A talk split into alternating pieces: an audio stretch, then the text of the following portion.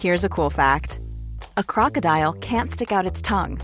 Another cool fact you can get short term health insurance for a month or just under a year in some states. United Healthcare short term insurance plans are designed for people who are between jobs, coming off their parents' plan, or turning a side hustle into a full time gig. Underwritten by Golden Rule Insurance Company, they offer flexible, budget friendly coverage with access to a nationwide network of doctors and hospitals. Get more cool facts about United Healthcare short term plans at uh1.com. Burrow is a furniture company known for timeless design and thoughtful construction and free shipping, and that extends to their outdoor collection. Their outdoor furniture is built to withstand the elements, featuring rust-proof stainless steel hardware, weather-ready teak, and quick-dry foam cushions. For Memorial Day, get 15% off your Burrow purchase at burrow.com slash ACAST and up to 25% off outdoor. That's up to 25% off outdoor furniture at burrow.com slash ACAST. It's that time of the year. Your vacation is coming up. You can already hear the beach waves, feel the warm breeze, relax, and think about work. You really, really want it all to work out while you're away. Monday.com gives you and the team that peace of mind. When all work is on one platform and everyone's in sync, things just flow wherever you are. Tap the banner to go to Monday.com.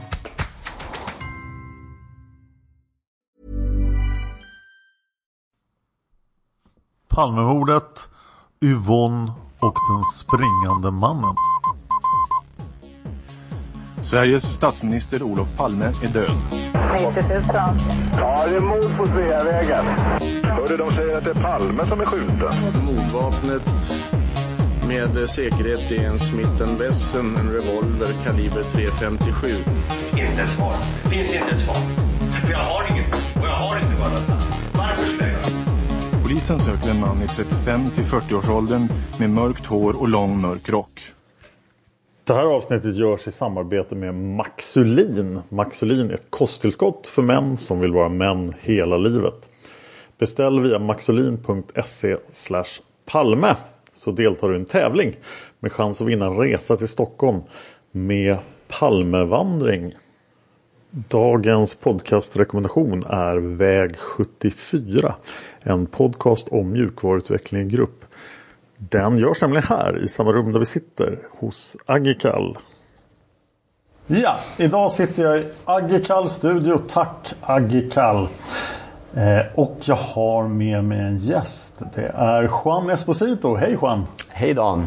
Hej! Du har ju härjat i Palmerummet ett bra tag och utmärkt dig med din känsla för detaljer. Mm, tack där Dan! eh, och jag har framför mig en diger rapport som angriper, eller ämnet på rapporten är vittnet Yvonne N och den springande mannen på David Bagares gata. Ja, precis. Och det ska vi prata om i detalj. I så mycket detalj att jag nu måste varna för att det här kommer att bli det mest detaljrika avsnittet av podden någonsin. Vi ska stöta och blöta tider och rörelser Eh, och vi har ingen övre tidsgräns. Det kan ta hur lång tid som helst. Eh, rapporten är ganska tjock. Eh, men vi kommer att publicera en videoversion av det här om allting går rätt. Och vi kommer att publicera en skriftlig version av den också om en vecka efter att den här podden har kommit ut. Det ska vi prata lite mer om sen. Precis. Så det är en utmaning att göra det här på ett ljudmedium. Men jag tycker ändå det här är ett tillräckligt viktigt ämne för att gå i detalj på. Och det här är också en fråga till er lyssnare. Alltså, går det att göra sådana här detaljanalyser i ett poddmedium? Så att ni måste berätta vad ni tycker om det här avsnittet. För det här är någonting helt nytt som vi inte har sett på 120 avsnitt.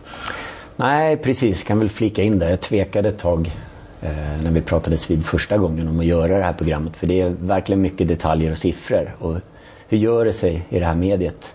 Så, så att, men nu kompletterar vi ju då med en liten presentation också, eller en video. Videospel eller bildspel tillsammans då. Ja, och framförallt den skriftliga rapporten också. Plus ett verktyg där man själv kan stoppa in sina värden och eh, ta ställning till den här frågan då. Precis. Vem är det Yvonne ser springer där? Är det gärningsmannen eller är det någon annan person? Mm, får väl se. Mm. Så först en liten innehållsförteckning då vi ska göra idag. Vi ska prata om källor, händelseförlopp, hållpunkter, tider i analysen. Och sen ska vi göra en analys då. När är gärningsmannen på trappkrönet? Vi ska göra en framlängesanalys och en baklängesanalys och exakt vad det är ska vi ta upp senare. Eh, vi ska titta på scenariot där Yvonne inte ser gärningsmannen utan någon annan. Vi ska titta på vittnet Lars J som är en väldigt viktig komponent i det här. Och hans tider. Och det kommer leda till en del intressanta resultat som jag verkligen inte förutspådde när jag såg det här första gången. Ska vi även göra en signalementsjämförelse? Vi, vi trycker in den där. Vi Ja. behandlar det också, tycker jag. Då ska jag försöka vara lite tyst och lämna över ordet till dig. Ja, men precis. Lite bakgrund då kring, kring den här eh, analysen är ju det att det handlar om gärningsmannens flyk, flyktväg. Eh, Och det har ju diskuterats till och från, diskuteras fortfarande och, och jag började väl titta på det här för drygt ett år sedan då. Och i många av forumen som jag håller till i. Då. Eh, och det, är- det är väldigt komplext liksom, att hänga med. Eh, och, och då beslutade jag mig liksom för att börja titta själv på tider Ja. och sådär. Eh, sen kan man ju säga lite om den officiella versionen där som på något sätt verkar ha krympt genom åren. Eh, vi har ju från Hans Holmers tid då och eh, nerifrån eh, Smala gränd där eh, vittnet Sanna T som också kallades för tecknerskan också gav upphov till den här fantombilden. Oh, ja. Eh, precis, och så du har väl säkert tagit upp det här tidigare i din ja, fantombilden kan man ju bortse ifrån. Det är den korta versionen av det. Nej men precis och lite vittnesmål ner från Snickarbacken och ända ner mot Birger. Eh, på något sätt har det där krympt. Eh, och så har vi då vittnet Yvonne N som befinner sig på David Bagares gata och gör en iakttagelse av en springande man. Ja. Eh, och så kan man ju säga lite om granskningskommissionen då som faktiskt benämner det här. Eh, och ett litet stycke som de har med där de säger att ett av mordutredningens tydligaste kännetecken är tvärtom.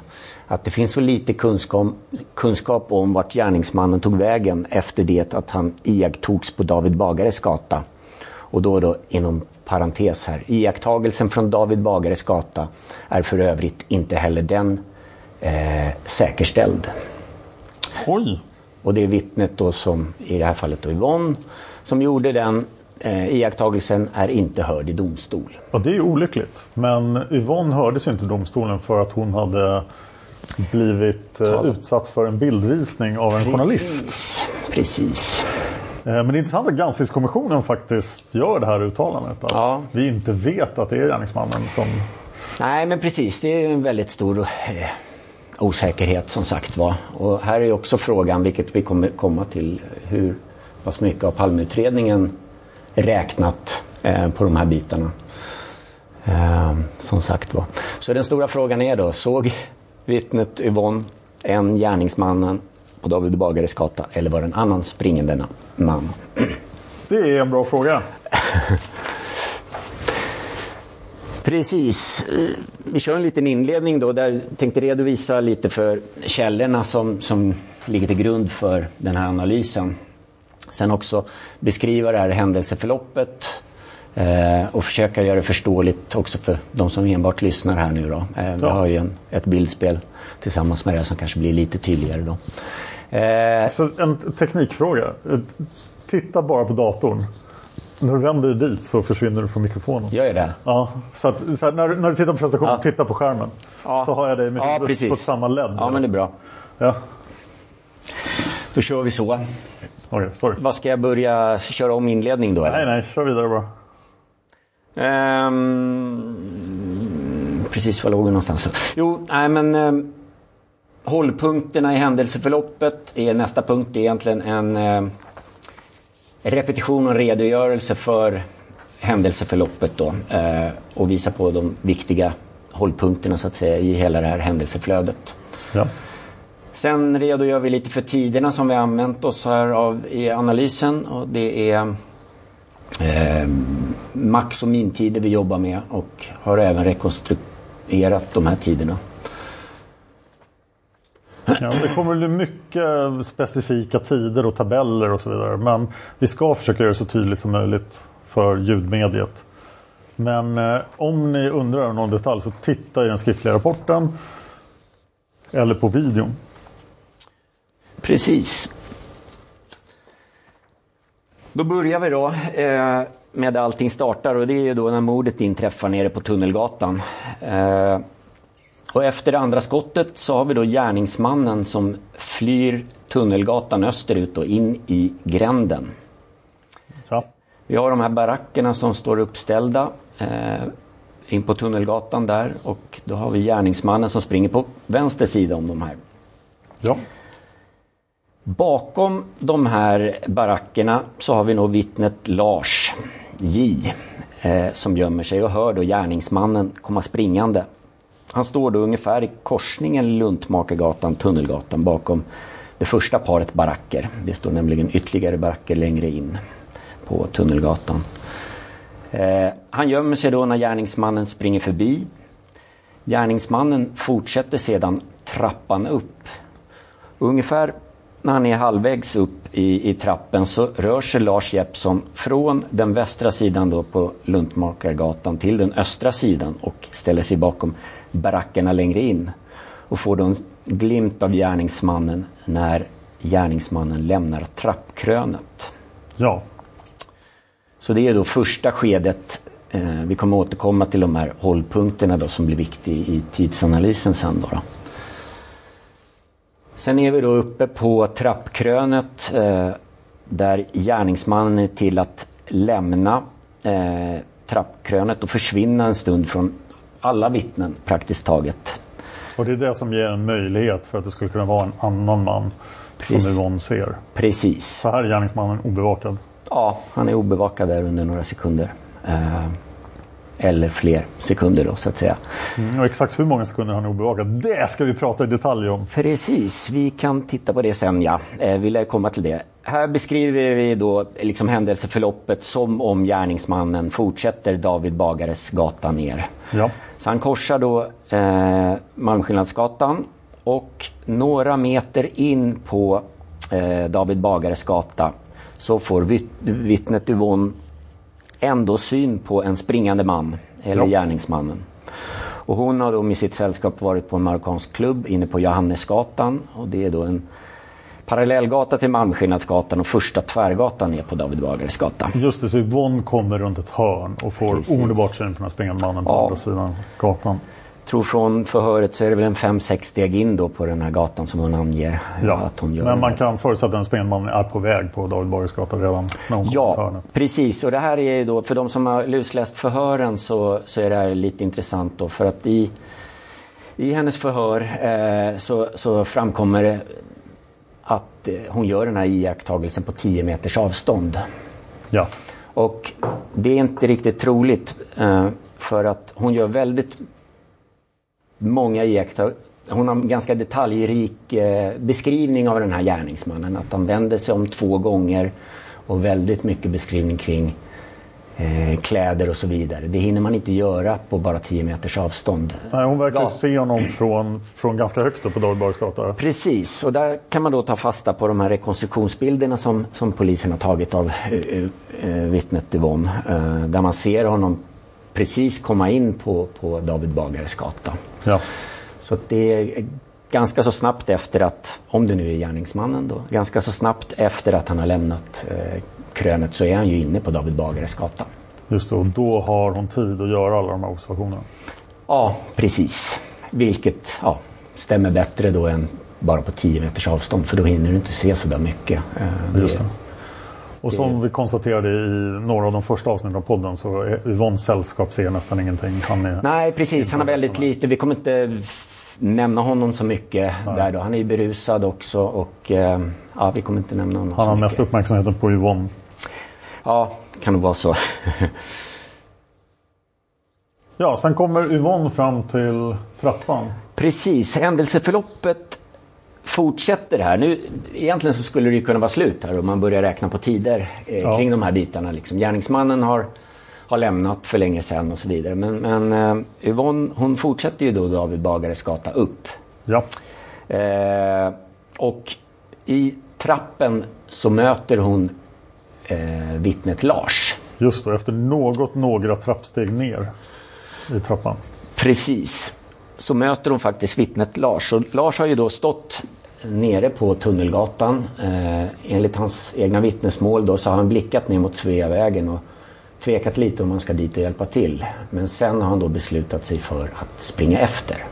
Just det. Och när han då gör det springer han eh, trappan upp och där möter han då vittnet Yvonne. Ja. Varvid han frågar åt vilket eh, håll sprang han? Eh, ditåt, säger Yvonne och pekar då ner mot David Bagares gata. Och där är det intressant att notera också att Lars förutsätter att hon har sett honom. Ja, precis. Och det är ju svårt att veta som sagt var. Men det, Ja, men en det verkar man, rimligt för liksom. honom. Ja. Nej men precis. Så det är ju också en hållpunkt där när de träffas i, i trappan. För en fråga vi kommer komma fram till, bara för att spoila det lite, så är ju just hur länge står Lars och väntar bakom den östra baracken efter att gärningsmannen har lämnat trappkrönet. Och Ja. det kommer att bli nästan den största frågan i den här analysen. Precis, det är det som är frågan som sagt. Ja, jag vi återkommer dit. Nej men precis, det är helt okej. Eh, då har vi då eh, Yvonne. Hon Eh, är tillsammans då med sitt sällskap längst upp i trappen. Fortsätter trappan ned. Eh, när hon kommer ner för trappan och är i höjd då med Luntmakargatan, då, korsningen Tunnelgatan, Luntmakargatan, så, så möter hon eh, fyra stycken poliser som kommer med dragna vapen. Ja. Och det här är då poliserna från Södermalmspiketen, piket 3230. Jag vet inte om du har nämnt den tidigare Ja, avsnitt och sådär. Så att lyssnarna kanske känner igen den då. Vi kommer att gå in på piket 3230 i detalj när polisspåret börjar Mm. den 8 augusti. Precis, och det är lite en, en eh, vad ska vi säga, en nyckelfråga här också faktiskt. ehm, När är 3230 på plats? När gick larmet?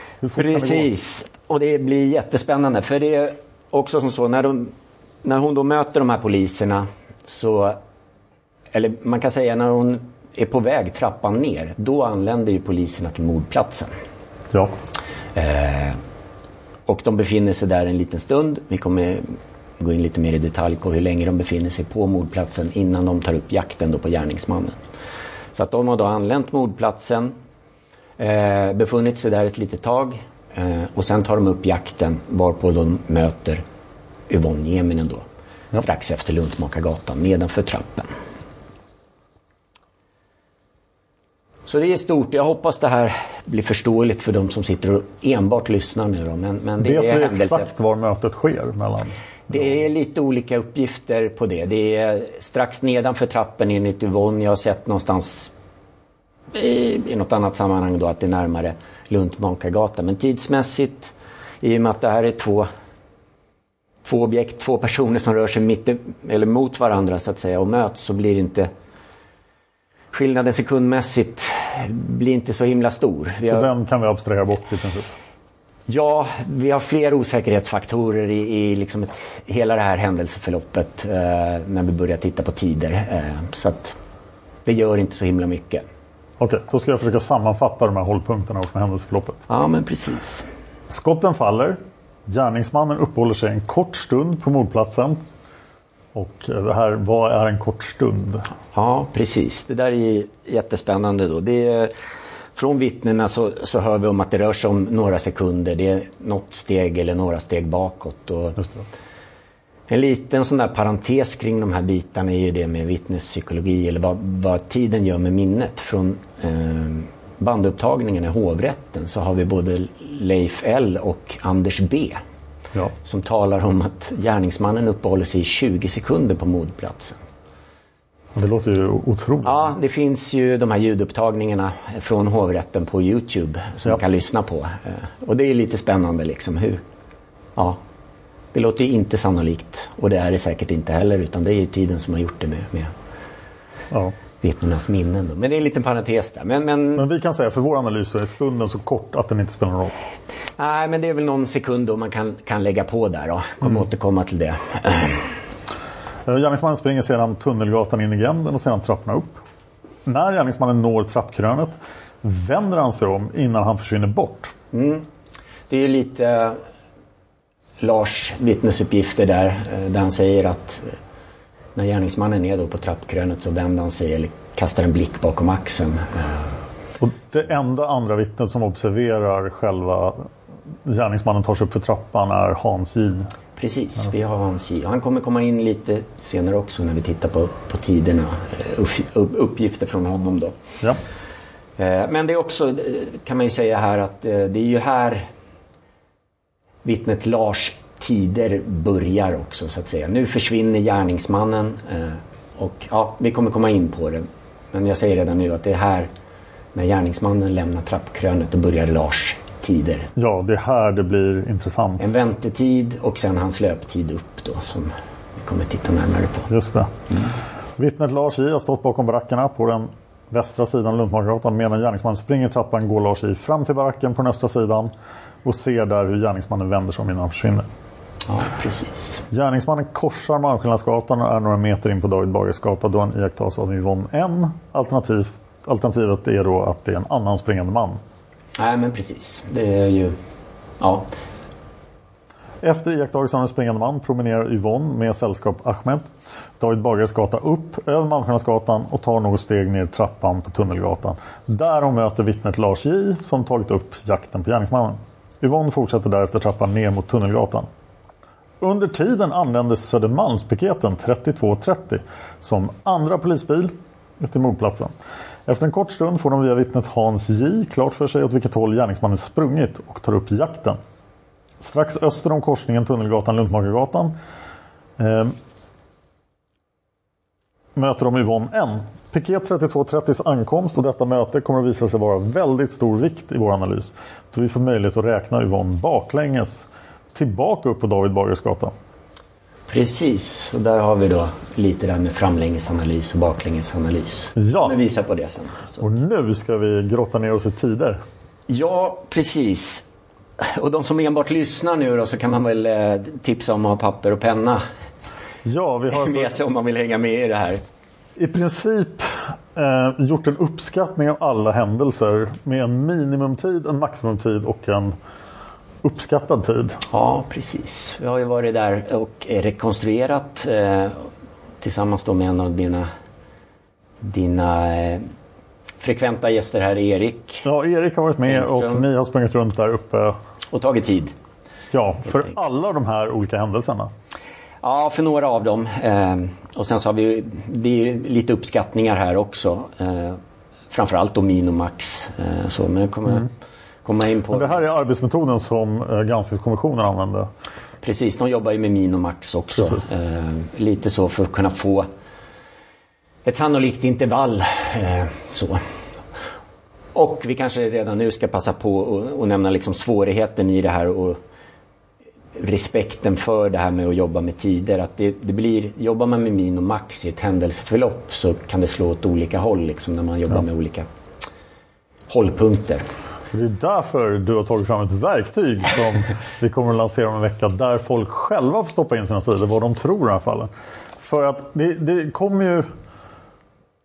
Så många saker i Palmemordet så handlar det om vad man tror. Men här har vi ett verktyg där man stoppar in specifika tider för vad man tror. Och då kommer det att bli...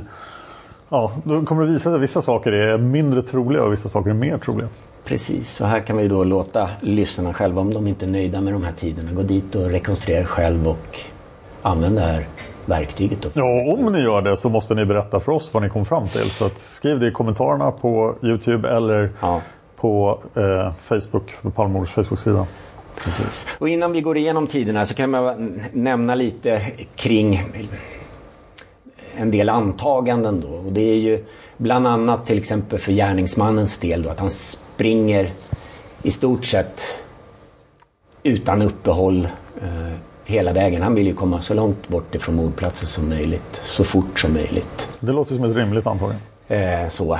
Eh, likadant då för vittnet Yvonne med sitt sällskap att hon promenerar utan stopp från sin position eh, där hon, gör sin iakttagelse då eh, på David Bagares gata eh, fram till trappkrönet. Ett litet kort stopp då, eh, kanske försumbart då när hon möter vittnet Lars. Ja. Och sen då trappan fortsätter hon ner då. Så att, men som sagt var, det är ändå min och maxtider vi, vi, vi pratar om i, i stora delar i analysen också. Så att eh, det ger ju utrymme för, för ja, olika promenadtempon och löptempon. Det är lite så det är tanken ja. med det.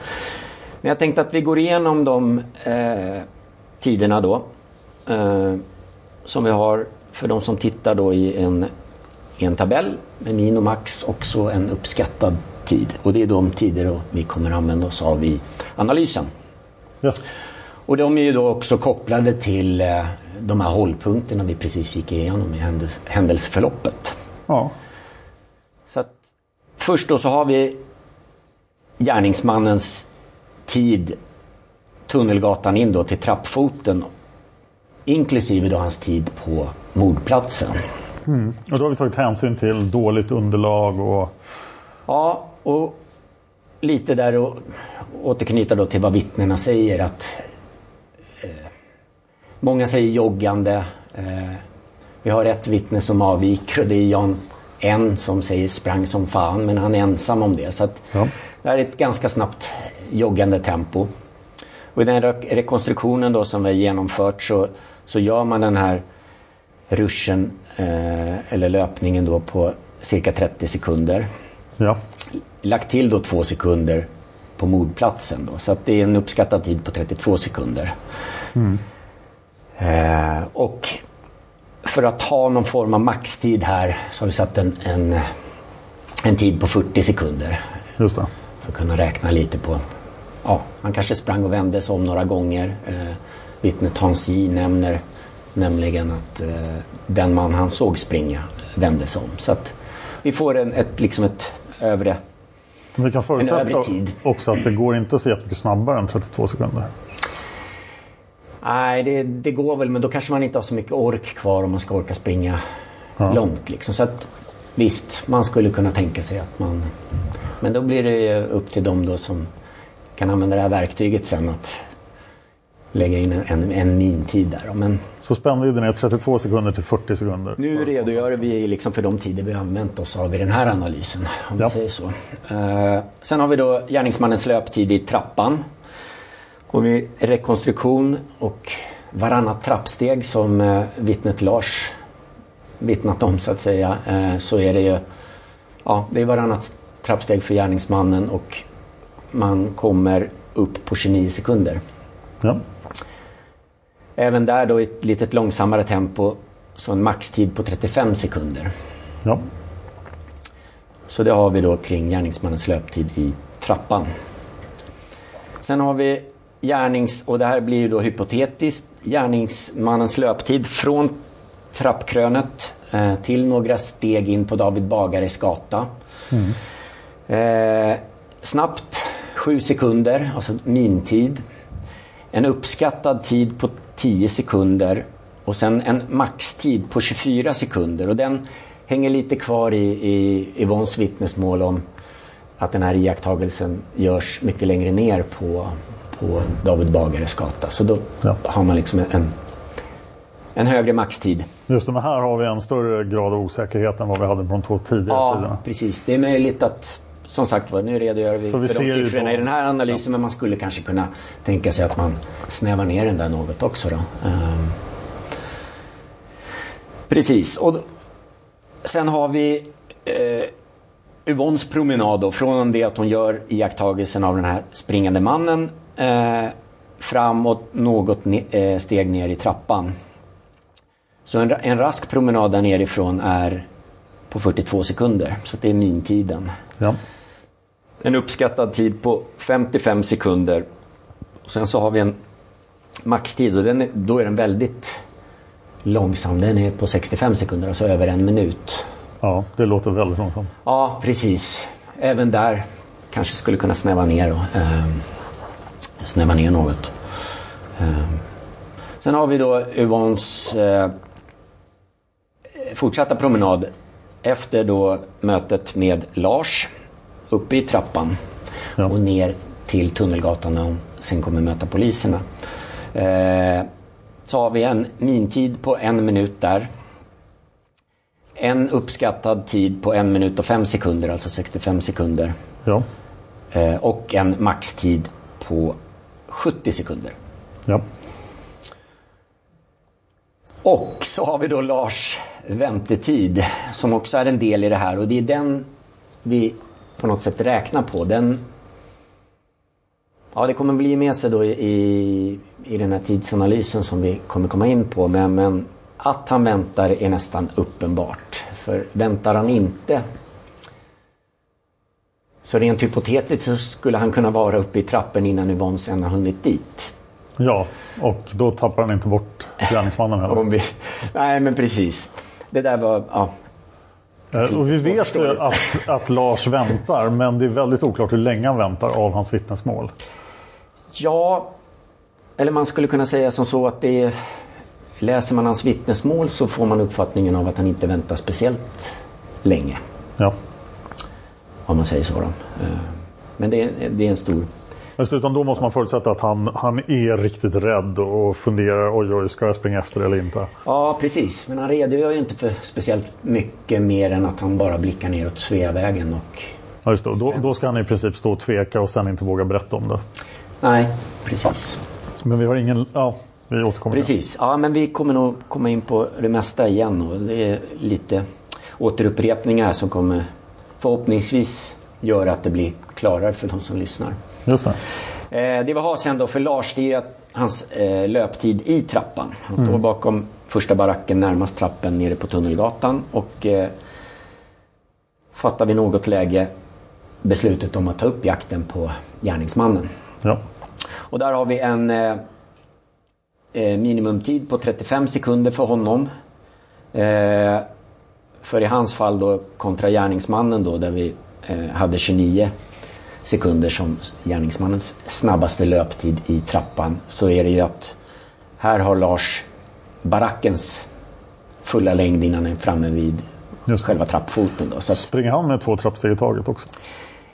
jag tror inte han redogör för någonting sånt. Nej. Och det är otydligt liksom hur, hur snabbt han väl eh, ja, hur snabbt han springer efter. Just man skulle kanske kunna tänka sig att han tar längre tid. Nej, 45 sekunder är ganska lång tid. Ja precis, där har vi då maxtiden 45 sekunder. Så 35 sekunder snabbast tid och 45 sekunder som hans långsammaste tid. Precis, då är vi framme vid polisen och deras eh, tider. Då. De anländer ju mordplatsen eh, och det är poliserna från piket 3230. Då har vi en tid på dem, den tiden de uppehåller sig på mordplatsen. Eh, som i det här fallet är satt till 20 sekunder, en uppskattad tid. Där har vi Hans J's vittnesmål eh, om att eh, poliserna från piket 3230 inte direkt eh, tog upp jakten på gärningsmannen utan de ställde sig där och ville ta vittnesuppgifter på Hans J. Och han i sitt vittnesmål uppskattade eh, till 15 sekunder. I det här fallet då i, i vår analys har vi räknat med 20 sekunder enbart. Då. Men där kan man också tänka sig att man börjar använda Minomax och, och så vidare. Ja. Sen har vi polisernas löptid. Eh, Tunnelgatan in då, eller ha, halva ska jag väl inte säga. Det är väl längre än, än halva Tunnelgatan in då, men till Luntmakaregatan. Eh, Just det.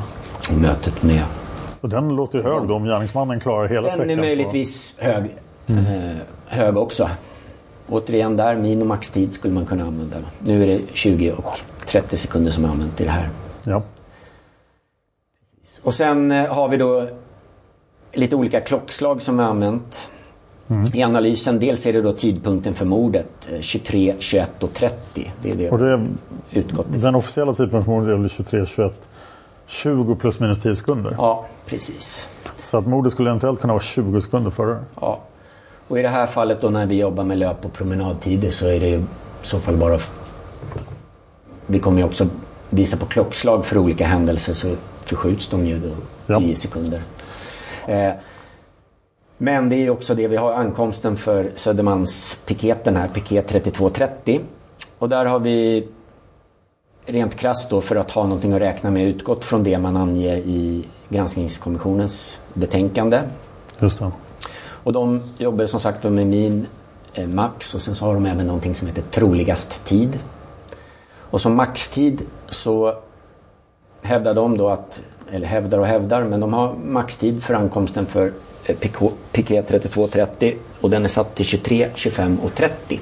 Och det kommer vi märka att det är en ganska ganska väl tilltagen tid. Ja, precis. Vi får väl, får väl se.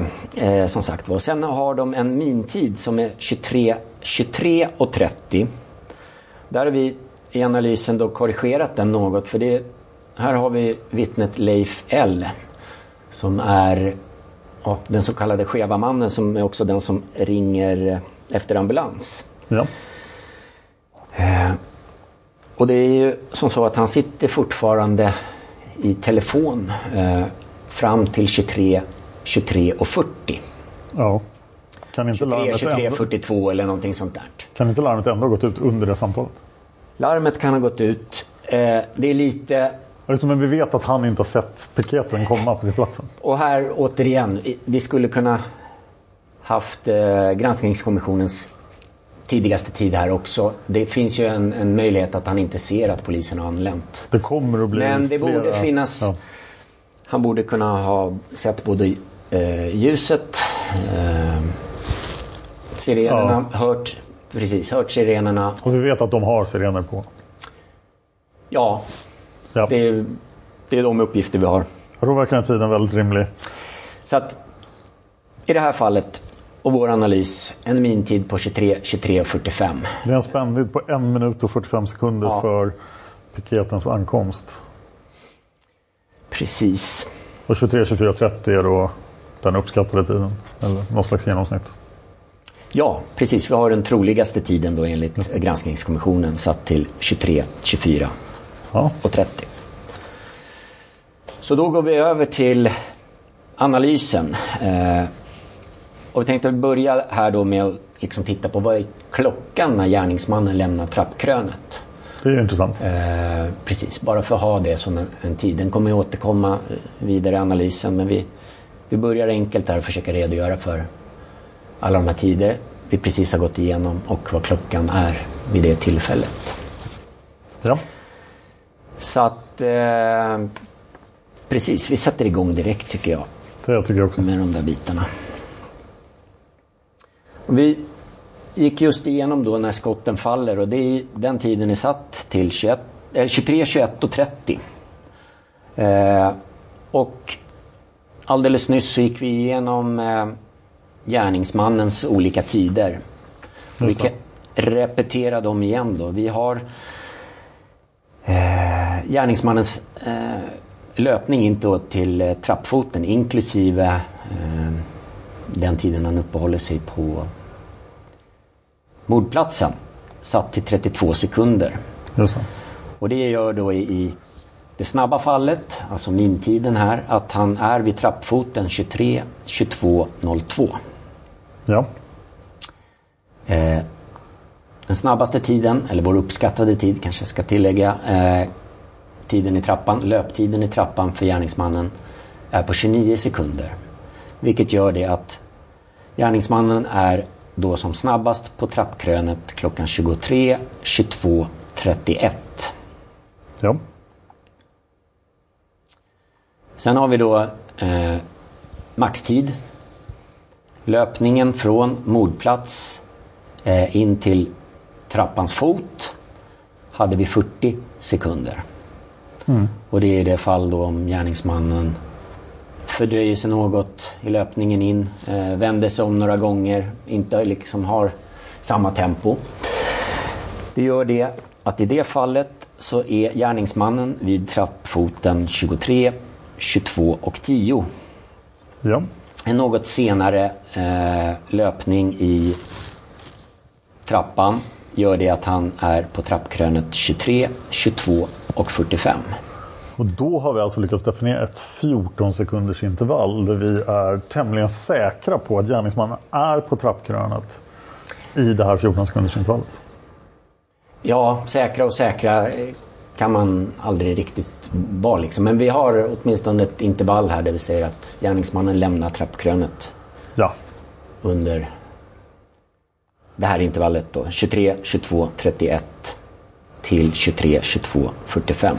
Precis. Och vi vet också då att det är här som Lars J's väntetid börjar. Det är här frågan kommer upp. Hur länge tvekar Lars från det här ögonblicket? Precis. Så vi går vidare då och kolla på det som kallas för framlängesanalysen. Och framlängesanalysen är att Förklara varför du kallar den för framlänges. Precis, för då räknar vi nämligen från eh, tiden, tidpunkten för mordet. Alltså Framåt från tidpunkt för mordet. Ja. Jag fattar. Precis. Och liksom tiderna går i ett, ett positivt flöde så att säga. Ja. Ehm, Vi går framåt i tiden. vi går framåt i tiden. Till skillnad då från baklängesanalysen, eh, jag kan nämna den redan här, vi kommer komma in på den sen då. Så utgår vi från eh, tidpunkten då Piquet 3230 anlände mordplatsen. Ja. Men återkommer till det då. Vi tittar lite på eh, händelseförloppet här och i framlängesanalysen och även där då med min och maxtider. Och här är väldigt många tidpunkter nu som kommer komma upp så att jag hoppas att alla, alla hänger med. Eh, om vi då ser på mintiderna och det vi kan tillägga här då. Dels är ju att det vi vill titta på är ju framförallt Lars-tider. Ja. Eh, det vi kommer komma fram till i den här analysen är också när möter Yvonne poliserna nere på Tunnelgatan. Just det. Det är också en intressant tidpunkt. Eh, det är där vi på något sätt knyter ihop det med den kommande baklängesanalysen Ja. och får möjlighet att kontrollera vissa saker. Men om vi börjar med de här mintiderna då som betyder att alla rör sig lite snabbare. Så har vi då tidpunkten för mordet eh, 23, 21 och 30.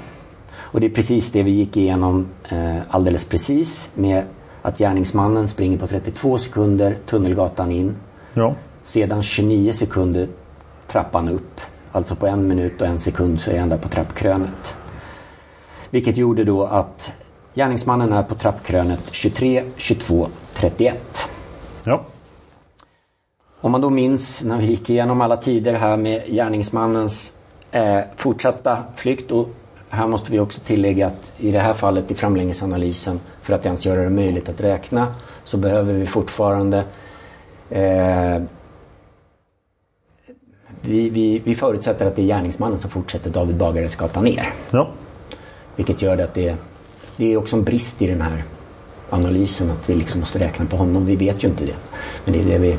Nej, fast vi kommer ju att lära oss en del om det ändå. Ja, precis. Och det, ja, det blir en liten teaser då till vidare analys här i avsnittet. Ja. Och som snabbast tid då för honom att springa från eh, trappkrönet då och korsa eh, David Bagares eller Malmskillnadsgatan ner på David Bagares gata. Det är sju sekunder då tills han blir iakttagen av Yvonne. Så då har vi sju sekunder till eh, från tidpunkten då gärningsmannen lämnade trappkrönet. Så att när han har kommit över Malmskillnadsgatan är klockan 23, 22 och 38. Ja. Och då blir han då iakttagen av Yvonne. Eh, hon och hennes sällskap eh, fortsätter sen då David Bagares gata upp. Eh, där hade vi då en mintid på 42 sekunder, en ganska rask promenad för de två. Vilket gör det att när hon väl når trappkrönet och möter Lars har klockan blivit 23, 23 och 20. Så det är tidpunkten för den händelsen. Och här har vi sen eh, Yvonnes fortsatta promenad då. Eh, trappan ner till Luntmakargatan. Där de möter poliserna från piket 32.30 och som snabbast tid så hade vi 60 sekunder där vilket gör det att klockan där då för eh, tidpunkten för det mötet är 23, 24 och 20. Och då är det intressant att observera att nu har ju poliserna varit väldigt snabba. Från när de anlände. Och nu anländer de väldigt tidigt då. Men det är ju i Precis. baklängesanalysen sen. Men vi, vi kan konstatera att poliserna är riktigt rappa om det här stämmer. Precis. Och vi ska bläddra kapp här då för de som tittar för det har vi faktiskt inte gjort. Ja, men, mm. eh, och utifrån då eh, när gärningsmannen eh, lämnar eh, trappkrönet. I det här fallet då var det 23, 22, 31. Fram tills klockslaget då Lars möter Yvonne uppe på trappkrönet. Ja. Eh, alltså 23, 23 och 20. Så får man en totaltid på Lars eh, på 49 sekunder. Alltså väntetid som han står bakom baracken och löptiden. It's that time of the year. Your vacation is coming up. You can already hear the beach waves, feel the warm breeze, relax, and think about work. You really, really want it all to work out while you're away. Monday.com gives you and the team that peace of mind. When all work is on one platform and everyone's in sync, things just flow wherever you are. Tap the banner to go to Monday.com. This Mother's Day, celebrate the extraordinary women in your life with a heartfelt gift from Blue Nile. Whether it's for your mom, a mother figure, or yourself as a mom, find that perfect piece to express your love and appreciation. Explore Blue Nile's exquisite pearls and mesmerizing gemstones that she's sure to love. Enjoy fast shipping options like guaranteed free shipping and returns. Make this Mother's Day unforgettable with a piece from Blue Nile. Right now, get up to 50% off at BlueNile.com. That's BlueNile.com. Burrow's furniture is built for the way you live. From ensuring easy assembly and disassembly to honoring highly requested new colors for their award-winning seating, they always have their customers in mind. Their modular seating is made out of durable materials to last and grow with you. And with Burrow, you always get fast, free shipping. Get up to 60% off during Burrow's Memorial Day sale at burrow.com slash ACAST. That's burrow.com slash ACAST. burrow.com slash ACAST. Just det. För att få hans minsta väntetid här så behöver vi ta hans långsammaste löptid, alltså 45 sekunder. Vi hade 35 sekunder och 45 sekunder som minomax på, på Lars. Ja. Vilket gör det att springer han på 45 sekunder då har han stått och väntat i bara 4 sekunder. Alltså den minsta väntetiden är fyra sekunder. Ja. Och fyra sekunder låter ju ändå inte orimligt. Nej. För att titta, titta tillbaka så ser jag en samband. Nej, nu följer jag efter. Precis. Men För det är inte ju- så, det, det är lätt första gången jag hörde det här. Då, då missuppfattade jag det som så här, ja, men det är Lars hela tvekantid. Men det är det inte. Han har liksom haft den här tiden på sig att ta sig fram till den andra baracken. Och den här väntetiden börjar ju inte förrän gärningsmannen har försvunnit över trappkrönet. Ja. Och då, han står ju redan vid den andra baracken. Just det, så att fyra sekunder är inte alls orimligt där. Utan det förutsätter att han... Tittar man på hans vittnesmål så är inte det alls orimligt. Hur lång tid tar det att blicka ner mot Sveavägen och, och liksom tveka innan man... Fyra sekunder ska jag säga. Ja, precis. Visst låter det självklart. Ja. Men då har vi då det du var inne på här. Vi har en tidpunkt för eh, Yvonnes möte med eh, poliserna från piket 3230. 23, 24, 20. Just det. Och då är i princip... Då måste man ju betänka att de redan har kommit till mordplatsen. Alltså innan den här tidpunkten. Ja. Och det för en ju till det faktum att vi har i princip fyra olika tidslinjer. Jag tänkte, ju- vi ska inte gå in på det jättemycket, men tidslinjer för när polisen kommer är ett jätteämne som vi kommer ta upp sen. Det finns i princip fyra olika versioner. Polisens egen, Granskningskommissionen, bröderna Puutiainens och Gösta Söderström. I ordning från snabbprint. Och det här är ju nästan, om det här skulle stämma, då har ju nästan polisens egen tidsrapport stämt. Ja, precis. Men det, går, det är nog inte så enkelt att stanna här. Vilket, Nej. Då skulle programmet vara slut nu. Men det är det. Men det är det inte. Precis. Så vi fortsätter där och jag hoppas att alla eh, hänger med. Men det finns räddning på det här. Om en vecka så kanske det klarnar ännu mer. Eh, som sagt. Ja, men vi tittar lite på max, maxtiderna här då. Eh, och får eh, klockslagen för, även för dem. Eh, 23, 21 och 30 är tidpunkten för mordet. Ja. Och gärningsmannens eh, tid på mordplatsen fram till trappfoten är då 40 sekunder, alltså långsammare. Eh, Han är då där 23, 22 och 10. Även en långsammare eh, löptur i trappan på 35 sekunder gör det att han lämnar trappkrönet 23, 22 och 45. Det var precis det vi gick igenom här innan men Ja. tåls att upprepas. Eh, sen har vi då eh, tiden över Malmskillnadsgatan. Och en bit ner och det var här då vi har en ganska hög maxtid då. Eh, ger lite utrymme för, för hennes vittnesmål om att iakttagelsen gjordes på 10 meter. Då. Men den är kanske lite för högt tilltagen. Men i Ja, det man, fallet... man skulle kunna tänka sig att gärningsmannen också tvekar vart han ska. Bra att du säger det. Precis så. Han, han skulle kunna tvekat där uppe på trappkrönet någonstans. Stått på Malmskillnadsgatan och, och ja, tvekat åt vilket håll han ska springa. Det skulle kunna vara så. Eh, absolut. Eh, och den tiden då är 24 sekunder David Bagares gata ner. Vilket gör det att Yvonnes iakttagelse sker 23, 23, 09. Mm. Sen har vi då hennes promenad upp och fram till trappen där hon möter Lars på 65 sekunder. Gör det att hon möter, i det här fallet då Lars 23, 24 och 14. Ja. Och så fortsätter hennes promenad eh, trappan ner, ner på Tunnelgatan där hon möter poliserna.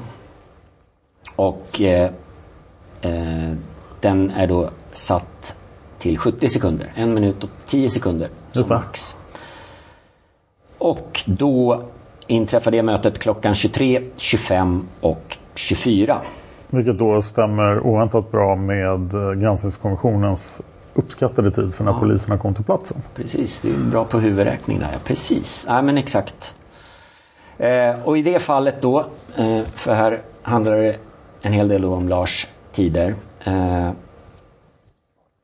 gör det att hans totaltid är en minut och 29 sekunder. Har han då den här snabb... Nu vill vi liksom ha ut maxtiden för hans väntetid.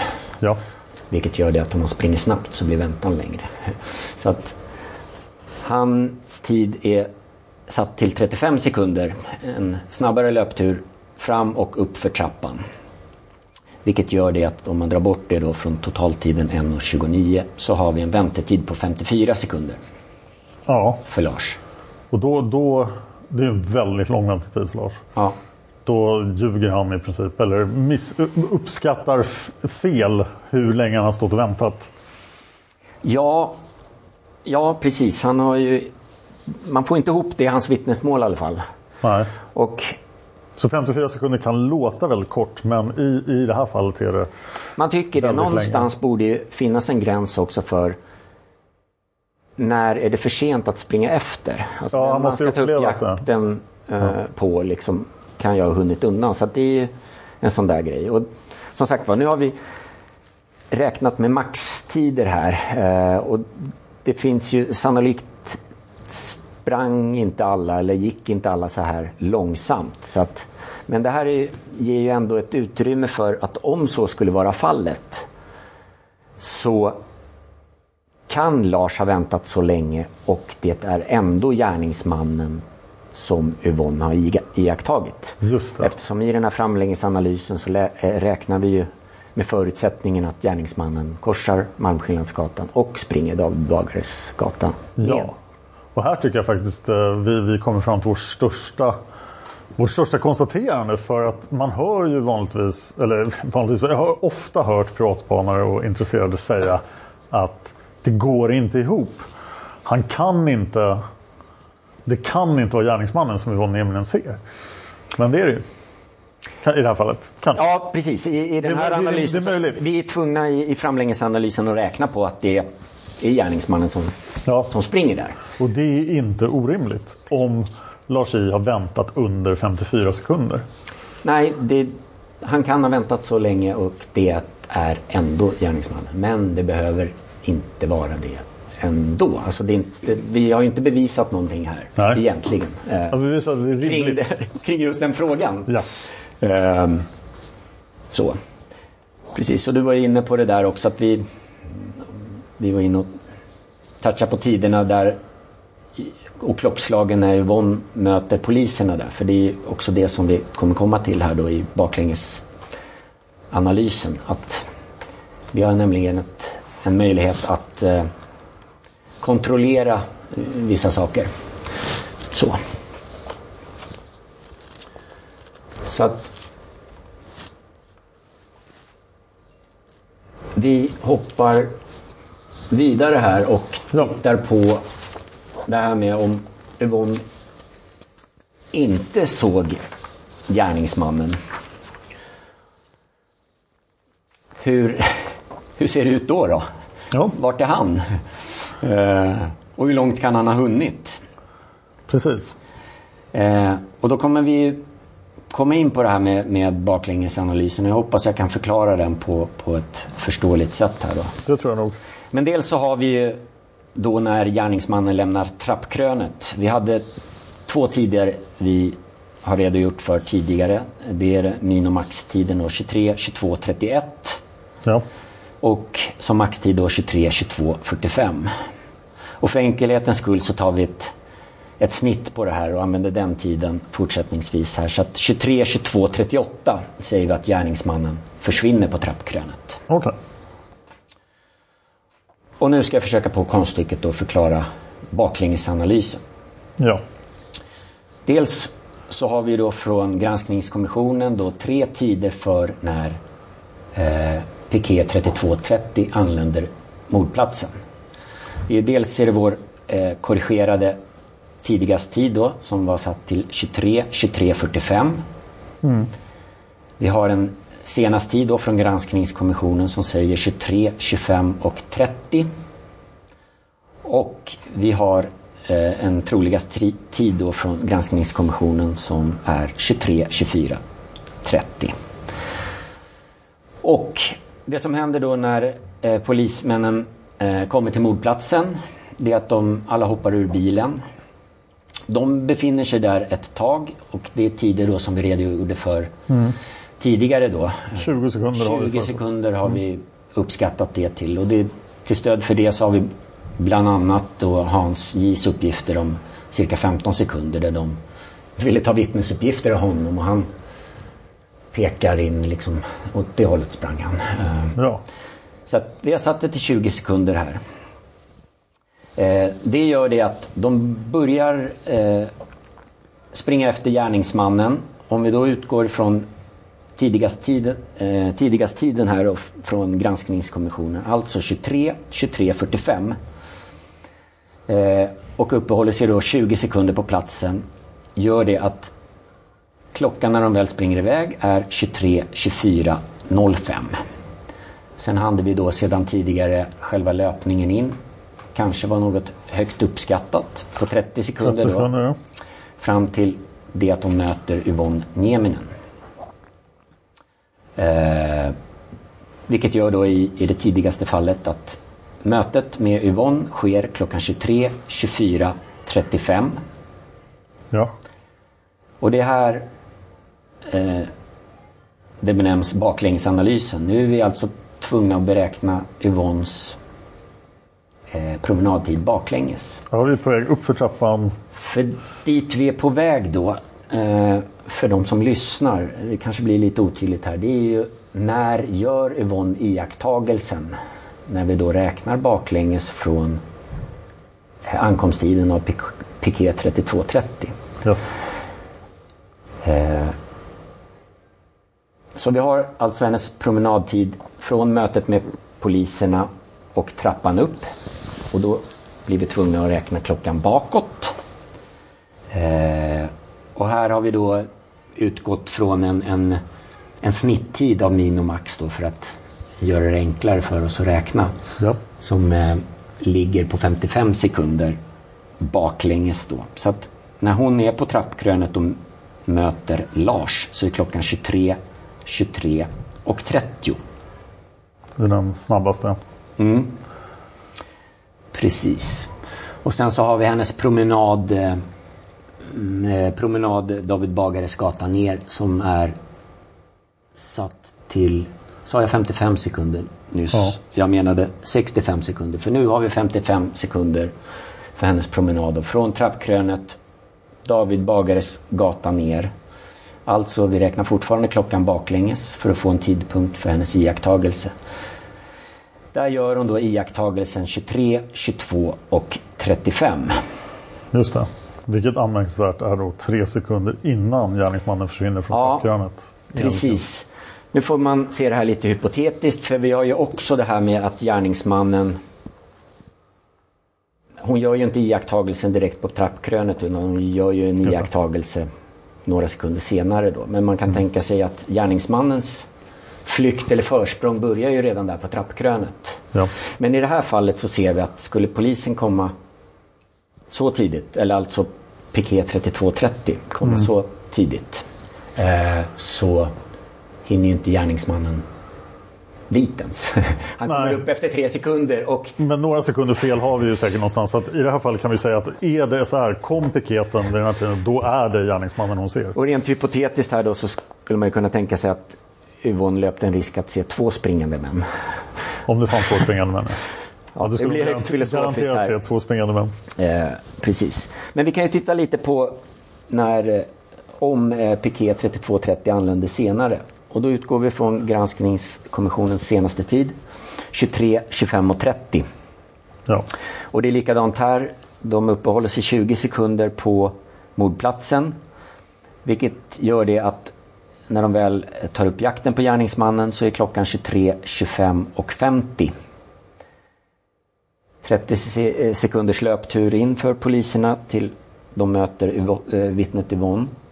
Gör det att klockan är 23, 26 och 20. Ja. Sen har vi Yvonnes eh, promenad från trappan och ner som vi nu räknar baklänges. Och det var 65 sekunder där vår snitttid eh, gör det att eh, klockan 23, 25 och 15 så sker mötet med Lars J i Ja. trappans övre del. Eh, och hennes promenad baklänges ner på David Bagares gata på 55 sekunder gör det att hon gör sin iakttagelse 23, 24 och 20. Och det är här vi ser att gärningsmannen då som har lämnat trappkrönet 23, 22, 38 Ja. och hon gör iakttagelsen 23, 20, 20 nu tappade jag bort mig, 23, 23 och 20, ja precis. 23, 24, 20. Iakttar hon honom. Ja just det, förlåt mig. Så det har gått en, en minut och 35 sekunder. Ja, vilket gör det att han, ja, han hinner väldigt långt bort. Och då skulle jag gå så långt som att säga att är, kommer 32, 30, 23, 25, 30 då är det en annan man som Yvonne ser springa ner för David Bagares gata. Ja, Och då blir det intressant att spekulera, det ska vi inte göra nu, men att spekulera Mm. i vad har han upplevt? Alltså gärningsmannen måste ju ha sprungit om, sprungit om honom och det är Leif GW Perssons gamla teori att "Ah, nej, det är någon som springer, då måste jag också springa. Mm. Han råkade ha exakt samma kläder som jag, var konstigt. nej men precis. Så det är just det. Piké 3230s ankomst till mordplatsen och Lars tider. Ja, jag tror det här är det som folk baserar på när de säger att Yvonne omöjligtvis kan ha sett gärningsmannen. För då utgår de från tiden 23, 25, 30 som det finns ivriga förespråkare av. Vi kommer att återkomma till snart. Men vi ska ha en troligast analys också. Ja, det ska vi. Precis, och då utgår vi från eh, eh, granskningskommissionens troligaste tid. Den ligger egentligen i mitten, eller låg i mitten av, av de här två tiderna. Eh, och det är fortfarande samma löp och promenadtider vi pratar om. Eh, 20 sekunder har vi för polisernas uppehållande på mordplatsen. Vilket gör det att Eh, precis, vi kanske ska ta när de ankom också. 23, 24 och 30 är ju troligast tid. Just det. Eh, de, Och, och då är de framme vid Yvonne 23, 25, 20. Efter 50 sekunder. 20 plus 30 sekunder. Precis. Eh, 23, 25, 20 ja, möter de Yvonne Ja. på Tunnelgatan. Och baklängespromenaden för henne upp eh, där hon möter eh, vittnet Lars och ytterligare baklängespromenaden eh, David Bagares gata ner gör det att hon gör sin iakttagelse 23, 23 och 20. Och i det fallet så har vi ett ja, hypotetiskt försprång på gärningsmannen på 38 sekunder. Det är ett ganska... Då är vi i en gråzon. Då Ja, men det är ändå väldigt lång tid i de här sammanhangen också. Vi kan ju nämna det också när man står där Yvonne, eh, Yvonne står när hon gör iakttagelse så har man Det är en, en svag lutning uppåt David Bagares gata och man har en överblick av trappkrönet precis där det kommer upp. Ja, så hon borde se det här. Men svänger man norrut, alltså om man kommer upp för trappan och svänger vänsterut, då försvinner man ganska snabbt bakom huset på David Bagares gata. Ja, just det, mot kyrkogården. Ja, precis. Eh, som sagt var. Så att, eh, ja, men 38 sekunder är ju väldigt lång tid. Alltså man är hinner väldigt långt om man springer. Ja. Så. Men som sagt var, alla de här tiderna eh, med Piquet 3230 ankomst, eh, tidigast, troligast och senast tid då, som vi får från granskningskommissionen, får en viss påverkan då på Lars väntetider. Vilket Ja. jag tänkte att vi skulle titta på. Det gör vi. Ja, precis. För... Och vi kanske ska börja då med, med tidigast tiden här för Piquet 3230. 23, 23 och 45. Ja. Återigen då så har vi eh, tiden på mordplatsen för poliserna 20 sekunder. Löpningen in 30 sekunder. Mötet då med Yvonne sker i det tidigaste fallet då 23, 24 och 35. Ja. Sen har vi, precis som vi gick igenom alldeles nyss, eh, Yvonnes promenad som vi räknar baklänges upp till trappan för att få ut mötet med Lars Jeppsson. Lars J, ursäkta. Eh, det mötet sker klockan 23, 23 och 30. Ja. Och i och med då att vi har, vi räknade på snitttid här eh, för när gärningsmannen lämnar trappkrönet som var satt till 23, 22, 38. Ja. Det är alltså vår snitttid och det är också som jag sagt tidigare då Lars tid. Lars tider börjar både löp och väntetid. Det ger honom en totaltid på 52 sekunder. Och om hans löptid är 45 sekunder så innebär det att han i det här fallet har väntat 7 sekunder. Just det. Så Ja. det är det fallet, om vi går på granskningskommissionens tidigaste tid för, för eh, ankomsten av 32.30 Mm. så får vi eh, totala tiden för Lars 52 sekunder. Löp, löptiden för honom om, om vi sätter den till 45 sekunder så väntar han 7 sekunder. Ja. Skulle han springa snabbare 35 sekunder skulle väntetiden bli 17 sekunder. Då. Men Just då åter tillbaka till att den här väldigt tidiga ankomsten för Piket 3230 ger en väntetid på Lars som stämmer väldigt bra med hans vittnesmål. Och Jag tänkte att vi tittar på granskningskommissionens troligaste tid då som för ankomsten av eh, 32.30. Mm. 23, 24 och 30 var den satt till. Vi har eh, polisens eh, tid på mordplatsen 20 sekunder, löptid in 30 sekunder. Innebär att mötet med Yvonne inträffar 23, 25 och 20. Och så har vi hennes bak, baklängespromenad upp till mötet med Lars Jeppsson uppe vid trappan 23, 24 och 15. Vi får en totaltid här då på Lars satt till 1 minut och 37 sekunder. Mm. Det innebär att om man då har sin löptid i trappan fram och upp för trappan på 45 sekunder så har han en väntetid på 52 sekunder. Ja, då är vi tillbaka där också att en, en, det är en ganska lång väntetid. Ja, precis. Men det blir värre än så. Det blir värre än så för nu har vi räknat på den troligaste tiden. Om vi då tittar på den senaste tiden 23, 25 och 30. Mm. Eh, och jag tänker inte gå igenom hela baklängesförloppet här nu då. Men då hamnar vi på en totaltid för Lars på 2 minuter och 37 sekunder. Och springer han då fram och upp för trappan på 45 sekunder så ger det en väntetid på 1 minut och 52 sekunder. Och då står han tvekar i två minuter och han är uppe på trappkrönet tre minuter efter gärningsmannen och han bedömer ändå att, det är, att han har någon chans att följa efter. Och det, det låter ju helt orimligt. Ja, ja, det är de tider vi får. Ja. Och man kan ju säga lite det om den här baklänges analysen också att det är ju färre, färre steg så att säga. Framlängesanalysen så är det fler personer in, fler objekt inblandade när man räknar på det. Så här har vi, vi har en, eh, ja, färre tider att räkna med. Ja. Vilket man kan se i de här tabellerna som vi sitter framför oss med. Men det blir en väldigt lång väntetid på, på Lars. Ja. Så att, eh, nej men precis. Och frågan är ju då hur lång tid kan han ha väntat? Det är ju det som är det hela handlar om.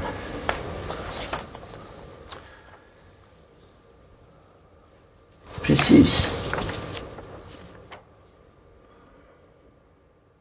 Och det har ju med eh, det här med signalementsjämförelse också. Det är ju skulle det kunna vara någonting att liksom hänga upp där på eh, och jämföra vittnet Yvonnes iakttagelse från den springande mannen på David Bagares gata ko- kontra Det är vad man har sett intressant. eh, vad man har sett nere på mordplatsen. Eh, ja, intressant och intressant. Vi har lite problem här. Det ena är att Yvonne är praktiskt taget ensam om att ha gjort de här iakttagelserna från David Bagares gata. Hennes sällskap, Ahmed Z, eh, gav inte mycket liksom signalementsmässigt. Eh, det är också så att hon har väldigt detaljrik eh, beskrivning av gärningsmannen. Eh, Och där är frågan liksom, ja, rent vittnespsykologiskt, liksom, hur mycket kan man minnas av de här bitarna. Så det, det är jättesvårt men ändå gjort en liten uppställning kring de här bitarna för att det kan ändå vara intressant att se. Man skulle kunna hoppats att gärningsmannen haft en, en orange toppluva där man kunde liksom fått en match och då hade sannolikheten ökat markant då för att det verkligen är han. Ja men det här, det här ska vi göra. Nu ska vi se. Hur lik är den springande mannen? Ja, precis. Ja, men det är ju faktiskt rätt intressant att se liksom, överensstämmande. Då. Och det vi har gjort från mordplatsen här då, det är ju liksom sammanställt och sammantaget från de eh, mordplatsvittnena och inte gjort någon bedömning i deras position eller någonting utan bara tagit uppgifterna rakt upp och ner. Inte tittat någonting på hur, ja, hur lång tid det tog mellan mordet och första förhöret. Så att Ja. säga, utan egentligen bara sammantaget. Så man får ta det här med en liten nypa salt. Då. Om man är intresserad av att gå djupare på det ska man lyssna på Ögonvittnen del 12 där vi gör en väldigt djup analys av det här. Precis, här, du har ju gått igenom de här så att, men vi, vi, tar, vi kan ta den här uh, uppställningen då Ja. och börja med längd där Yvonne uh, anger att den springande mannen var mellan 175 och 178 centimeter. Från eh, mordplatsen så har vi ett spann då mellan 175 och 185 centimeter då sammantaget. Eh, Flera vittnen säger att, att gärningsmannen var längre än Olof Palme också. Sen kommer vi in på ålder. 35 och 45, alltså mellan 35 och 45 år säger Yvonne.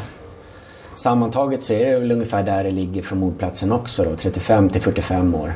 Det är ingen som har över 45 år till exempel. Där har vi då vittnet Jan N som avviker med att säga att det var en yngre person då i 25-30 års åldern. Just det. Eh, hittills stämmer det ganska bra kan man konstatera. Ja, precis. Eh, vi, mm, vi, vi kan summera lite efter tabellen här. Men... Hå- Hårfärgen. Där har Yvonne ingen uppfattning eller ingen uppgift. Det är ju märkligt. sig. Ja, precis. Eftersom hon är så detaljerad i övrigt. Och vi kommer ju komma fram till att han inte har någon huvudbonad heller. Nej, men precis. Så varför ser hon inte håret? Det är en bra fråga. Men det är nog fullt naturligt att det är som man lägger, lägger ja, fokus på olika saker. Det är högst personligt det där. Eh, vittnesuppgifterna då från mordplatsen de går ju isär på den här punkten. Eh, det, är ju, det är nästan hälften som beskriver gärningsmannen vara utan mössa. Som de som, eller huvudbonad kanske jag ska uttrycka mig med. Som det är folk som, eller vittnen som, som säger att han har huvudbonad. Eh, men de som beskriver hårfärg i alla fall från mordplatsen säger svart, mörkt, brunaktigt samt kort. Det är Ja. väl den sammanfattade bilden av, från mordplatsen. Eh, gällande ansiktet då så säger Yvonne att nej, inget skägg. Såg ej om mannen bar glasögon och ljus hy. Där har vi inte så många som från mordplatsen det är egentligen bara Lisbeth som, som säger någonting om ansiktet där. Och det är först den 25 i tredje som, som Lisbeth pratar om en vit överläpp. Eh, plus lite ytterligare detaljer kring mannens utseende. Då. Och det, då tänker man ju direkt på mustaschtricket, att det är någon som har rakat av sig sin mustasch. Ja, det är det vi har blivit matade med där med Ja. ljus eller vit överläpp. Eh, sen kommer vi in på huvudbonad då. Eh, Yvonne, hon såg ingen huvudbonad. Hon såg heller ingen hårfärg då. Eh, från mordplatsen så har vi att vitt, vittnesuppgifterna går ju som, som jag sa tidigare isär på den här punkten. Eh, det finns folk som som ser hårfärg och ingen huvudbonad och så har vi de då som ser huvudbonad. Eh, och det är färgmässigt då så är det mörk, mörkblågrå. Vi har mössa, stickad mössa, herrhatt, kepsliknande. Vi har det här med Sherlock Holmes-mössa. Ja. Eh, upprullad kant. Ja, vi kan ju konstatera att eh, här vi- får vi ingen information överhuvudtaget eftersom gärningsmannen kan mycket väl ha tagit av sig mössan. Precis. Klädseln då. Där har vi från Yvonne mörk rock, troligen svart, uppknäppt och fladdrande, ungefär till knähöjd. Tunt material, mörk även på insidan. I övrigt var mannen helt mörkklädd, uppfattade en mörk tröja under rocken. Ja. Eh, och tittar vi på mordplatsvittnena så, så ger de ju stöd för det här med längden i en liksom knälång rock eller jacka. Eh, några av vittnena uppfattar det som, som eh, mm, rocken eller jackan som av något tjockare kvalitet. Eh, med material som ylle, möjligtvis mocka, läder, skinn. Och det kanske inte riktigt går ihop då med, med Yvonnes uppgifter. Eh, några av vittnena ger också stöd till det här med, med en fladdrande, eh, fladdrande rock. Bland annat då Leif L, Lena S, Anders B och Per V. Och så har vi då Jan N som avviker igen då med, med en tunn skinnjacka. Ja. Eller brun. Menar. Precis. Eh, kroppsbyggnad. Eh, då har vi Yvonne. Hon säger ej tjock, snarare satt eller grov. Eh, och från mordplatsen så får vi för de 13 vittnena då som anger någonting om kroppsbyggnaden så är det kraftigt byggd, bred, välbyggd, kraftig ryggtavla. Eh, men sen har vi en del vittnen då som talar om normal kroppsbyggnad. Eh, samt att gärningsmannen då var snarare smal. Han är vansinnigt svårobserverad. Ja, Nej, men det är precis. Vi kan ta rörelsemönstret här också. Just det, vi har lite attiraljer här. Eh, rörelsemönstret. Eh, verkade jobbigt att springa, säger Yvonne. Sprang inte speciellt fort. Och så från mordplatsen har vi då sammantaget att eh, gärningsmannen gav ett spänstigt intryck. Långa bestämda steg. Någon anger klumpigt. Eh, och som jag var inne på tidigare, det, det spelar ju roll. Vittnenas position spelar stor roll här. Eh, Just det. sen har vi det högst personliga i vad man, vad man fokuserar på här också. Då. Och sen är det också, måste man ju betänka att gärningsmannen har ju faktiskt sprungit upp för trappan emellan de här två iakttagelserna. Absolut. Så att det är möjligt att man, det är lättare att springa spänstigt på Tunnelgatan än att, att vara spänstig när man springer för trappan. Även om trappan inte är världens jobbigaste trappa. Nej men precis. Och vi har attiraljer då. Det är ju så att Yvonne eh, ser ju att den här springande mannen har en väska cirka 20 gånger 15 centimeter. Ja. Som han försöker stoppa ner någonting. Eh, Det är hennes uppfattning. Eller stänga. Där vi från mordplatsen inte har några iakttagelser alls av någon väska. Nej, den väskan är ju intressant för den är ju för liten för att rymma en 357 Magnum Smith Wesson med 6 tums pipa. Ja. Den Och- får plats i en rockficka. Och om den skulle ha rymt det så är det tveksamt om man skulle se den på mordplatsen överhuvudtaget ändå. Han bör ju ha haft den undanstoppad då. Ja, det måste Allt fo- fokus på. Så sammantaget i den här signalementsjämförelsen så är ju den är en, jag skulle inte säga att den är speciellt mycket värd faktiskt. Vi har som jag sa endast ett vittne i, i Yvonne på David Bagares gata som ger Ja. väldigt mycket detaljer eh, som vi gick igenom här. Eh, har hon rätt på alla dem? Omöjligt. Och vi har ju väldigt, det har vi sett från mordplatsen också, det är ju väldigt skiftande på de mordplatsvittnen. Ja. Men jag tycker inte Yvonne sticker ut. Om man skulle placera henne bland gruppen av mordplatsvittnen så är det här en observation som passar väldigt Mm. väl in i den Ja. gruppen. Jo, absolut. Så det är inte, det är inte en 100% överensstämmelse men det är ju tillräckligt bra överensstämmelse för att vara ett av ögonvittnena. Så Mm. att för mig förefaller, det här har jag alltid tyckt då, att för att tycka någonting i Palmemordet för en gångs skull, för mig försöka undvika att tycka saker, att, att det här är ju väldigt likt gärningsmannen som han ser ut där nere. Nej, men precis. Men, men jag tror att vi, vi lämnar det här. Som sagt var, det är, ja, vissa grejer stämmer väldigt bra överens. Eh, väskan, av naturliga skäl så, så syns den säkert inte nere på mordplatsen. Sen är det då frågan storleken där som du var inne på. Ja, vi, vi kan i alla fall konstatera att det är absolut inte med klarhet är en annan person. Men det är, det är både och där. Jag, jag skojade lite om den där orangea mössan där. Men det är ju det är lite så att det skulle också kunna vara en Kanske inte just mössa då, utan annat eh, klädesplagg kunde vara en friande del där man skulle kunna utesluta personerna som har iakttagits. Det är ju sant i den meningen att det finns ganska många som springer omkring och är lite kraftiga och är ungefär 180 centimeter ish långa och har svarta rockar. Men jag skulle nog tro att det är under 10 procent av alla människor som rör sig ut den här kvällen. Nej, precis. Nej, det går ju bara att spekulera. Som Ja, sagt, det, nu är spekuleringsområdet. i de här bitarna. Eh, det är om det då. Tänkte att vi har exemplifierat de här räkneexemplen med de tider vi har arbetat med. Ja. Eh, sett hur det hänger ihop med eh, Piquet 3230 ankomsttid och med den här så kallade baklängesanalysen också. Eh, ja, kunna titta på Lars väntetider eller Lars totala tider. Eh, Ja. För det är lite det det handlar om.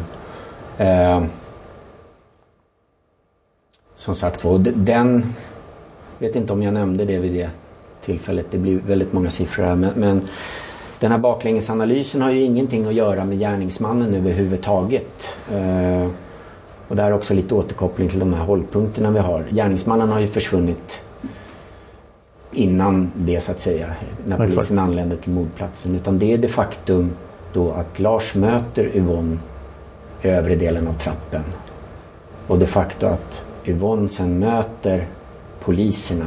Eh, Och här, som sagt var, vi har eh, granskningskommissionens tre olika tider för, för ankomsttiden av 32.30 som vi liksom har lekt med. Eh, Och då är redan på att en, en rapport som är på väg att släppas om en vecka, där kommer det finnas lite mer matnyttigt kring det här. Absolut. Så att säga. Men om vi ska försöka knyta ihop säcken där och så är ju 10 000 kronors frågan här liksom om, om Yvonne såg gärningsmannen. Ja. Och det, det går inte det går liksom inte att svara på den frågan.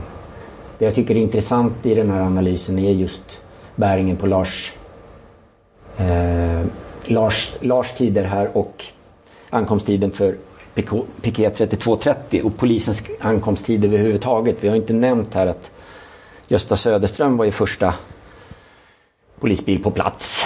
Ja. Ehm, och eh, Piquet 3230 kom 10-30 sekunder efteråt. Då, så att, och det har alltid diskuterats kring polisens ankomsttid till Och det kommer vi att göra igen. Ja, så här är det ju lite då. Vad, hur länge väntade Lars? Mm. Och här har man ju nu då med nya förundersökningsledaren Christer Pettersson och man har talat om att återknyta till, till mordplatsen och föra vittnen på nytt. Mm.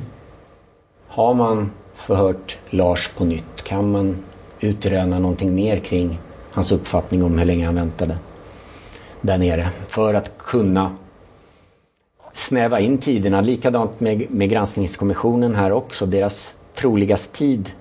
Förutsatt då att Lars inte väntar speciellt länge så fungerar inte ens deras troligast tid för, för polispiketens ankomsttid. Nej. 23, 24 och 30. Så att det finns en hel del att göra. Och lite roligt har det varit eh, det här med bröderna Putiainen och deras bok Inuti labyrinten är väldigt intressant. Ja. Och de har ju verkligen eh, gått i detaljer och, och, och grävt och undersökt mycket. Ja, det kan man lugnt säga. Och där får jag också en uppfattning av att granskningskommissionen i sin rapport också har läst Inuti labyrinten. För de gör nämligen samma bedömning för att räkna på när piket 3230 anländer så har man ut, utgått ifrån ambulansens avresetid. Nu blir det här kanske väldigt komplicerat men, men de har i varje fall utgått ifrån ambulansens avrestid från mordplatsen 23 och 28. Och, och det är ambulansen som var med? Ja, men... Precis, Sollentuna-ambulansen 951 och, så, när den, och det är ju då utifrån lackbandet mm. och tidpunkten från fröken ur där. Och så har man räknat lite på det. Och de, både granskningskommissionen och Putiainen har ju, har ju räknat eller de beskriver det på precis samma sätt så jag misstänker att granskningskommissionen har läst in det i labyrinten. Mm. Men det här är en liten passning till, till bröderna Putin. Jag hoppas att du har dem bland dina lyssnare för de har nämligen inte de har nämligen inte nämnt Lars, vittnet Lars J alls i sin bok. Nej. Och kanske inte vet vilken påverkan den sena ankomsttiden får på hans, hans tider här. Um, och så. Och från sidan 73 där, jag tänkte bara sammanfatta det lite kort, så, så har de en ankomsttid för polisen och i det här fallet är det då Gösta Söderström på mellan 23 och 25 och 23 och 26. Där de skriver snarare närmare 23 och 25. Och så får man ju då lägga på de här 10-30 sekunderna eh, tills dess att nästkommande bil då, piket 32.30 anländer mordplatsen. Ja. Så är vi ju då uppe på 23, 25 och 30. Som tidigast möjliga tid. Enligt dem ja. Mm. Och som baklängesanalysen här visade så får vi alltså en väntetid på Lars på upp till två minuter. Just det, vilket är... Det är ja. väldigt långt. I princip helt orimligt. Ja, jag skulle vilja säga det. Någonstans går ju någon övre gräns för när man tycker att nu, eh, nu är det för sent att följa efter. Mm. Man har tänkt att ta upp jakten på. Så att där, ja det är väldigt spännande. När sa polisen att de kom egentligen? Ja, vi har ju områdesanropet ja. som sägs, och det är också en liten parentes i det här. Områdesanropet var ju från sambandscentralen då som skickades ut 23 och 23. Och i datasystemet där kring de här ingripande meddelandena så visas inga sekundrar. Okay. Utan vi har bara 23 och 23. Där har Putiainen, de gjorde 1987, besökte de sambandscentralen och kontrollerade tiden då, alltså ett år efter, eller det kanske var ja. ett och ett halvt år efter. Visade på att tiden för området, eller datasystemet gick 50 sekunder fel. Åt vilket håll minns jag inte riktigt då, men det gick fel. Eh, som sagt var, men ja. Här är, det är lite intressant. Jag tror åtminstone har man ju möjlighet där att kunna snäva, snäva tiden åtminstone och inte ha någon minimax som spänner över 23, 23 och 30 till 23, 25 och 30 för polisens an ankomst. Ja. Komma ner lite mer och bringa klarhet i. Mm. Så det är väl lite kort och komplext. Jag hoppas ni, inget, ja, det, ja. jag hoppas ni tyckte om den här sättet av analys. Vi ska prata lite mer om det nästa vecka. För att eh, Nästa vecka kommer jag alltså släppa den skrivna rapporten på det här. Släppa verktyget där du som lyssnare själv kan gå in och sätta in de tider du tror. Och, och tror du att eh, Gösta Söderström kom till platsen 22.30 så kan du skriva in det och eh, ja, se vad som händer då. Eh, och i samband med det då så kommer vi att prata om ett annat ämne också. Som vi eh, återkommer till då. Mm. Har du någonting du vill tillägga? Nej. Ja, tack för att du kom hit. Jätteroligt att ha dig här. Jag hoppas kunna få hit dig igen och prata om uh, djupa analyser. Precis. Ja, absolut. Vi får se. Tack så mycket. Mm, tack själv. Man hittar Palmes mördare om man följer PKK-spåret till botten. Därför att ända sedan Julius Caesars tid har det aldrig hört talas om ett mord på en framstående politiker som inte haft politiska skäl. Polisens och åklagarens teori var att han ensam hade skjutit Olof Palme. Och det ledde också till rättegång. Men han frikändes i hovrätten. Ska. Hi, I'm Daniel, founder of Pretty Litter. Cats and cat owners deserve better than any old-fashioned litter. That's why I teamed up with scientists and veterinarians to create Pretty Litter. Its innovative crystal formula has superior odor control and weighs up to 80% less than clay litter. Pretty Litter even monitors health by changing colors to help detect early signs of potential illness. It's the world's smartest kitty litter. Go to prettylitter.com and use code ACAST for 20% off your first order and a free cat toy. Terms and conditions apply. See site for details. Normally, being a little extra might be a bit much, but not when it comes to healthcare. That's why United Healthcare's Health Protector Guard fixed indemnity insurance plans, underwritten by Golden Rule Insurance Company, supplement your primary plan so you manage out of pocket costs. Learn more at uh1.com. Planning for your next trip? Elevate your travel style with Quince. Quince has all the jet setting essentials you'll want for your next getaway, like European linen, premium luggage options, buttery soft Italian leather bags, and so much more. And is all priced at 50 to 80% less than similar brands. Plus, Quince only works with factories that use safe and ethical manufacturing practices.